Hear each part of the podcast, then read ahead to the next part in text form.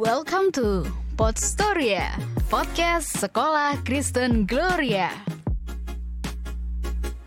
Hello, welcome back to Podstoria, podcast Sekolah Kristen Gloria. Di episode 4 kali ini, lagi-lagi kita akan berbincang seputar pandemi. Namun bukan tentang sekedar situasi terkini.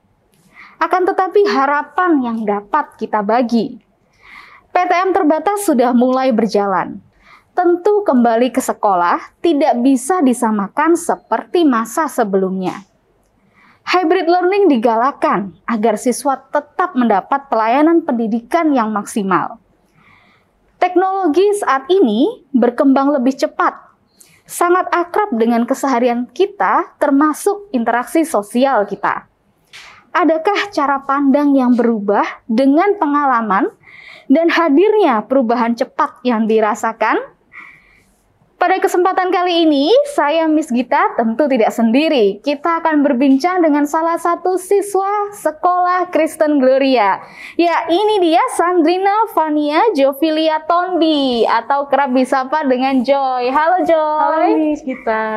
Oke, senang sekali kali ini Miss Gita bertemu dengan Joy. Kita akan tanya-tanya nih Joy. Kita mau dengar pendapat dari Joy uh, bagaimana Joy memandang situasi terkini ya, apalagi tentu pandemi ini seakan-akan nih kayak um, mengharuskan kita untuk cepat beradaptasi dengan perubahan teknologi dan, dan kita harus mau tidak mau harus begitu akrab ya, ya dengan teknologi ya Joy ya. Oke, okay. nah ini sebelumnya nih Joy Um, kalau dilihat dari namanya, nama lengkapnya Sandrina Fania Jovilia Tondi. Ini tiba-tiba disapa dengan Joy. ini ceritanya gimana Joy? Uh, kalau ngomongin soal nama, sebenarnya waktu uh, saya lahir itu lagi booming boomingnya Indonesian Idol waktu itu. Oh, okay. Indonesian Idol pertama, season pertama. Dan ke, uh, kebetulan pemenangnya waktu itu namanya Joy Tobing. Oh yes. Lalu yes, kemudian yes. akhirnya hmm. kayak banyak orang yang memberikan saran panggil Joy aja. Siapa tahu rezekinya sama. Betul. Jadi semenjak itu uh, semua orang panggilannya Joy, panggilnya Joy seperti itu. Oke, okay, apalagi uh, arti Joy sendiri itu kan juga membawa kebahagiaan yeah, ya. Oke, okay, Joy sebenarnya hobinya Joy ini apa sih?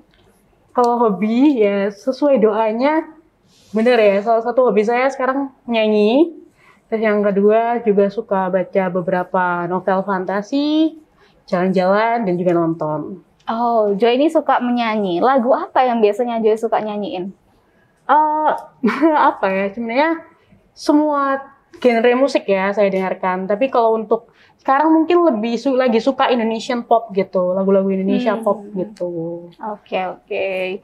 Mungkin boleh coba dinyanyiin satu part rap favorit Joy gitu, lagu favoritnya Joy? Ah, waduh, tiba-tiba ya nih. Apa ya? Mungkin lagu um, yang akhir-akhir ini saya dengerin ya. Uh -uh.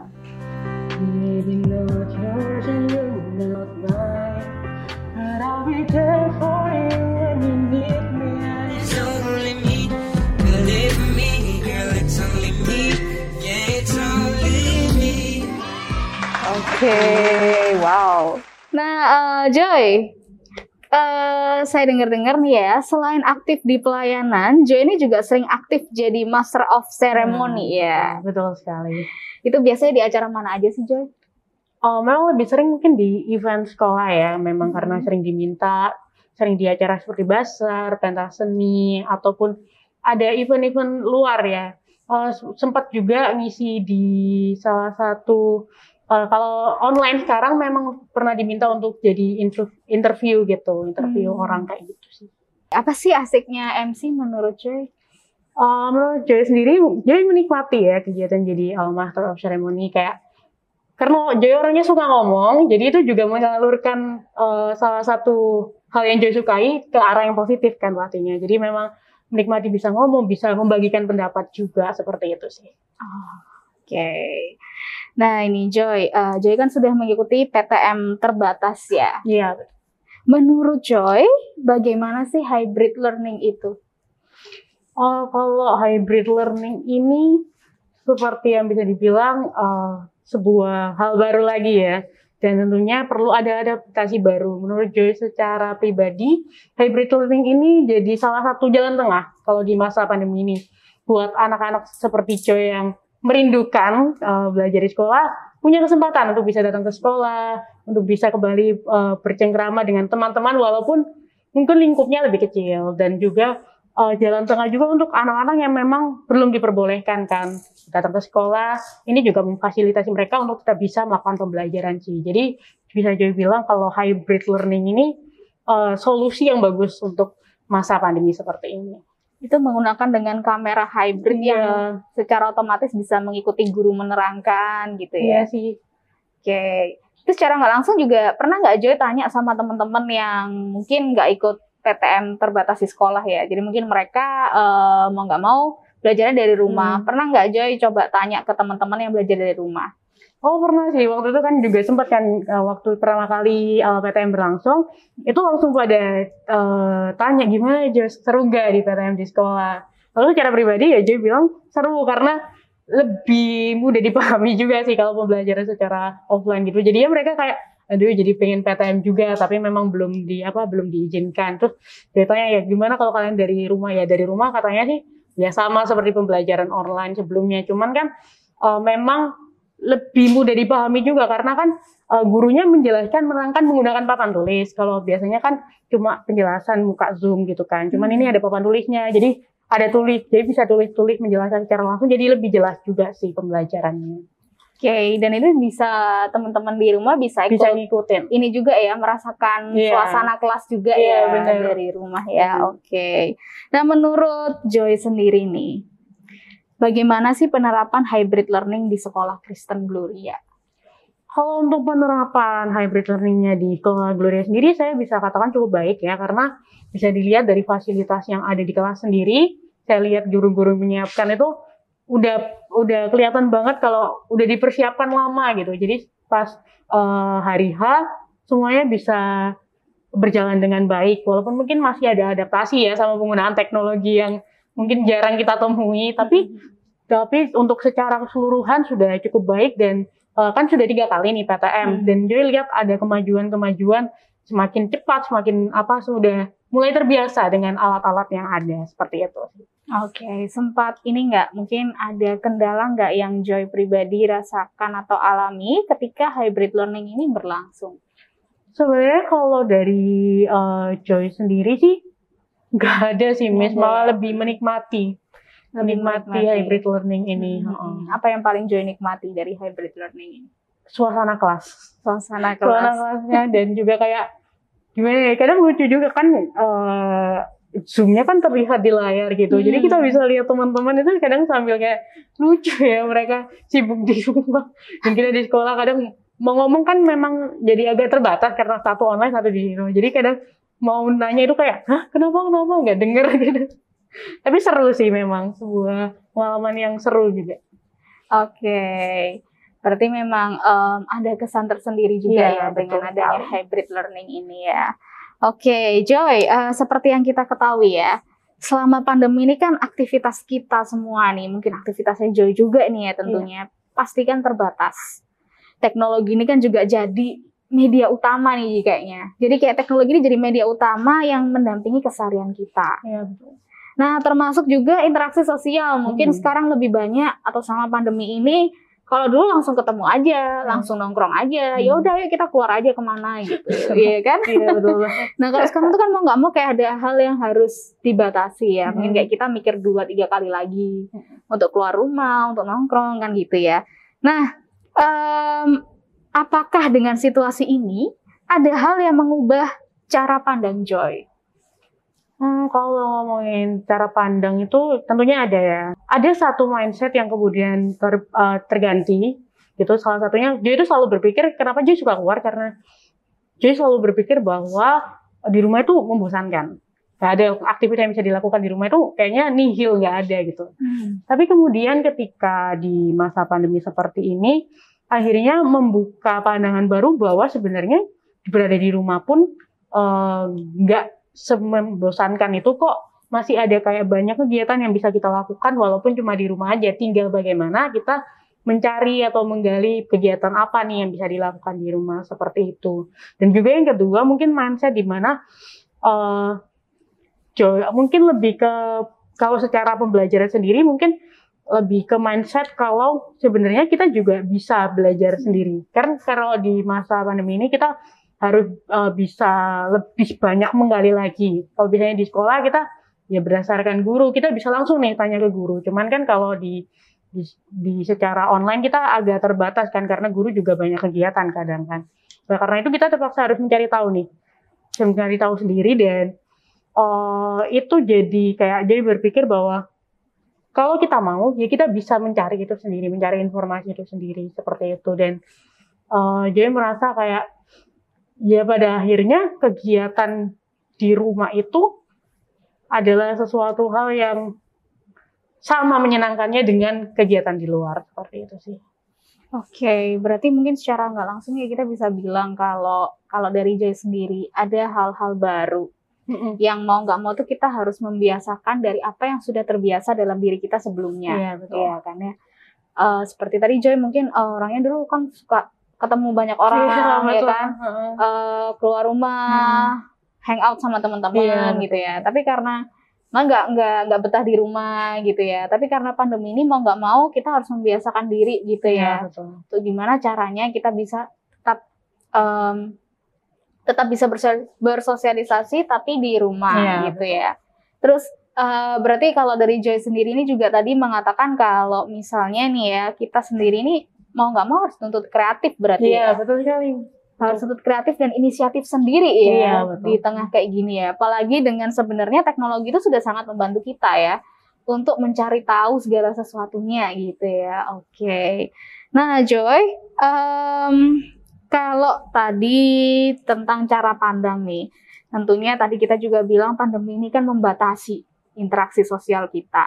Nah, sebenarnya dalam peningkatan kompetensi atau skill ini kayak gimana sih Joy? Soalnya kan kita tentu nggak berhenti ya hmm. untuk meningkatkan kompetensi.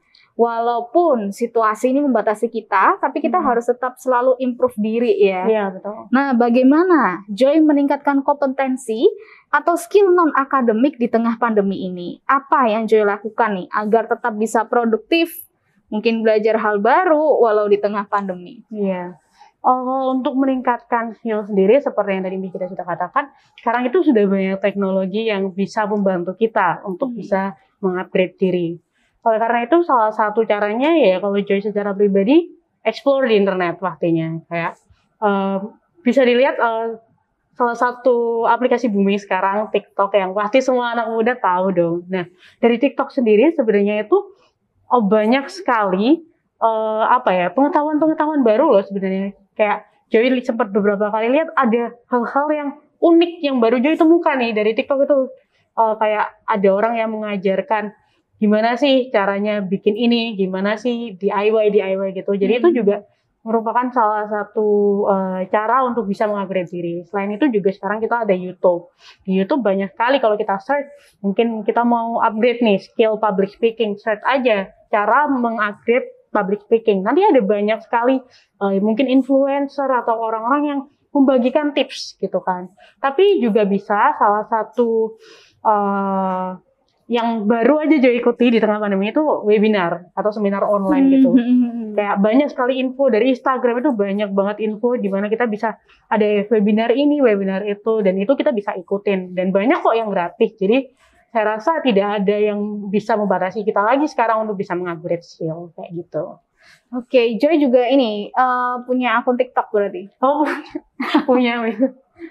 Kayak itu jadi sebuah hal wajib ya. Iya, kayaknya semuanya punya deh sekarang. Biasa kalau di TikTok, uh, Joy suka nge-browsing apa? Oh, lebih ke lihat orang yang cover lagu sih. Cover lagu oh, sama okay. beberapa kali itu kayak tips and trick masak karena di TikTok itu tips banget. and trick masaknya kayak gampang gitu jadi bisa diikutin nah ini soal tips and trick masak kebetulan saya sendiri juga suka tuh liatin resep-resep iya, hack life apa hack recipe gitu iya, ya betul, di betul. TikTok ya nah uh, tadi kan kalau Joy bilang uh, Joy itu dulu termasuk anak yang sukanya itu hangout nggak betah di rumah lah. Hmm. Tapi Joy sudah bisa membiasakan diri untuk gimana caranya selama pandemi ini bisa stay at home. Iya, betul apa yang Joy lakukan selama di rumah dari seorang Joy anak yang suka hangout di luar tiba-tiba bisa nyaman-nyaman aja di rumah? Uh, mungkin salah satunya adalah cari cara interaksi dengan teman yang menyenangkan. Karena okay. memang kan salah satu tujuan hangout itu adalah untuk bisa bercengkerama kan dengan hmm. teman-teman. Nah, cari caranya gimana kita bisa tetap bonding nih walaupun ya cuma di rumah aja. Dan salah satunya sekarang media yang kita pakai media online Zoom, banyak aplikasi sosial media yang bisa kita pakai teleponan, kita bisa dan sekarang itu banyak kan kayak game-game online yang bisa kita uh, mainin bareng. Jadi cara salah satu cara untuk bisa tetap menyenangkan dan berinteraksi ya itu main game online bareng teman, tetap uh, kayak bikin apa ya pertemuan khusus lah dengan teman-teman. Lalu yang kedua uh, cari hal baru yang gak pernah dilakukan. Ya salah satunya adalah yang tadi saya sebutkan lihat tips trick masak. Jo itu sebenarnya nggak pernah masak, nggak pernah bisa. Oh. Bisa sih dikit-dikit, oh. cuman kayak nggak yang sering gitu kan. Lalu saat pandemi ini akhirnya Joy coba cari nih uh, skill masak gitu kan, nambah skill nih, skill masak tuh bisa lihat di internet dan kok kayaknya seru nih kalau dicoba dan coba-coba dan ternyata ya itu jadi salah satu kebiasaan baru lagi pas di saat pandemi itu seperti itu sih. Jadi lebih banyak ke searching kegiatan-kegiatan yang belum pernah kita coba, lalu kita coba dan itu bisa menjadi sebuah skill baru lagi buat kita. Ya jadi tambahan skill baru dan tentunya ini ya jadi nggak bosen karena iya, kita mencoba hal baru ya. ya. Betul. Kayak ada tantangan baru gitu ya. Iya, uh, Joy, menurut Joy nih ya, bagaimana peranan dan dukungan sekolah Kristen Gloria dalam pembelajaran maupun pengembangan skill dan potensi non akademik atau bakat di tengah home learning ini? Iya, kalau dari sekolah Gloria sendiri dia sangat apresiasi karena banyak kegiatan baru yang memang di launching saat pandemi ini. Salah satunya ada SG1P sendiri, hmm. uh, podcast yang oh, dari SMA Kristen Gloria uh, satu sendiri. Uh, itu jadi salah satu uh, hal yang menarik karena waktu itu dia sempat uh, tanya-tanya kan ke teman-teman banyak yang tertarik nih sama kegiatan ini dan itu jadi salah satu cara bagaimana sekolah Gloria satu ini me, apa ya memfasilitasi untuk anak-anak yang punya bakat di bidang podcasting. Lalu yang kedua itu ada namanya SG1T. Kalau satu P satu T. SG oh, SG1T. Iya, oh. T itu time. Oh. Ini oh, biar Sekolah Gloria memfasilitasi dengan adanya webinar. Webinar oh. atau seminar online dengan tema yang bermacam-macam, gak cuma uh, sekedar seputar akademik ya, tapi juga tentang bagaimana kita bisa uh, terakhir itu sempat ada yang nama gimana caranya kita untuk tetap produktif nih di masa pandemi ini kayak gitu sih. Jadi kayak itu jadi salah satu hal yang bisa memfasilitasi uh, siswa untuk bisa terus berkembang dan secara akademik sendiri bagaimana sekolah Gloria bisa uh, memberikan atau menyiapkan pembelajaran uh, ya secara pribadi saya tahu mungkin susah ya memang kan di tengah pandemi ini cepat berubah harus banyak uh, mungkin kurikulum yang berubah tapi kalau Groya tetap bisa mengikuti keadaan dan sampai sekarang pembelajaran bisa tetap berjalan dengan lancar. Wow, luar biasa. Berarti hmm. Terlihat ya iya, dan betul. terasakan sendiri oleh Joy bagaimana upaya sekolah ya iya, betul. untuk tetap memfasilitasi siswa terutama seperti Joy juga. Hmm. Jadi nggak um, jenuh juga ya. Iya, betul. betul. Kalau biasanya mungkin kalau di sekolah gampang sih. Kalau kita memang ketemu offline kita bisa melakukan banyak hal termasuk nambah skill. Tapi kalau online ini kan jadi terbatas. Ya, Tapi sekolah tetap berupaya supaya uh, skill-skill siswa selain di bidang non akademik, uh, selain di bidang akademik ini juga tetap ya betul difasilitasi betul. ya betul sekali. Oke, okay. nah ini Joy, menurut Joy kalau dibilang sekarang itu ya let's say kemarin kita benar-benar sebelumnya nih masa sebelumnya kita benar-benar di rumah banget nih. Hmm. Tapi sekarang sudah mulai sekolah udah mulai offline perlahan-lahan ya karena juga ada vaksinasi juga ya. ya. Nah mungkin kita bisa bilang juga um, masa after quarantine lah ya, ya kita udah mulai keluar ya. Nah menurut Joy nih kira-kira apa yang akan berubah ya kebiasaan-kebiasaan orang-orang apa nih yang akan berubah atau mungkin seusia Joy ya yang akan berubah after quarantine ini? Atau ya yes, sekolah kebiasaan remaja apa yang akan berubah? Apakah berdampak pada kompetensinya Joy? Kalau menurut Joy pribadi nih? Hmm, kalau menurut Joy pribadi, uh, salah satu kebiasaan yang berubah yang nggak bisa hilang adalah menjaga kebersihan ya. Karena uh, sebelumnya mungkin kita uh, seolah-olah ya biasa aja ya sudah. Cuman kalau hmm. sekarang mungkin Joy perhatiin teman-teman dulu lebih kayak kayak eh cuci tangan dulu padahal padahal sebelumnya nggak pernah gitu kan jadi kayak lebih menjaga kebersihan dan yang kedua uh, Joy melihat kalau pola kalau ngomongin soal pola kebiasaan bagaimana anak-anak jadi lebih bisa dibilang lebih mandiri karena kayak uh, lebih ya itu tadi karena sudah terdorong untuk bisa melakukan inisiatif sendiri akhirnya anak-anak yang lebih kayak oh ayo kita gini gini gini ayo kita langsung gitu maksudnya ada ada dorongan sendiri gitu kalau sebelumnya mungkin harus perlu didorong seperti itu tapi sekarang hmm. sudah uh, sudah bisa lebih inisiatif lebih gitu ya. inisiatif ya. seperti itu terus kalau misalnya kalau berpengaruh sama kompetensinya itu balik ke masing-masing orang ya tentunya hmm. kayak uh, tentunya kalau tapi yang Joy lihat secara pribadi sih kompetensinya makin anu sih makin kepus jadi makin tinggi juga seperti itu makin tinggi dan juga makin beragam iya ya. makin beragam betul. makin beragam juga pilihan-pilihan kompetensi yang bisa diasah ya, ya.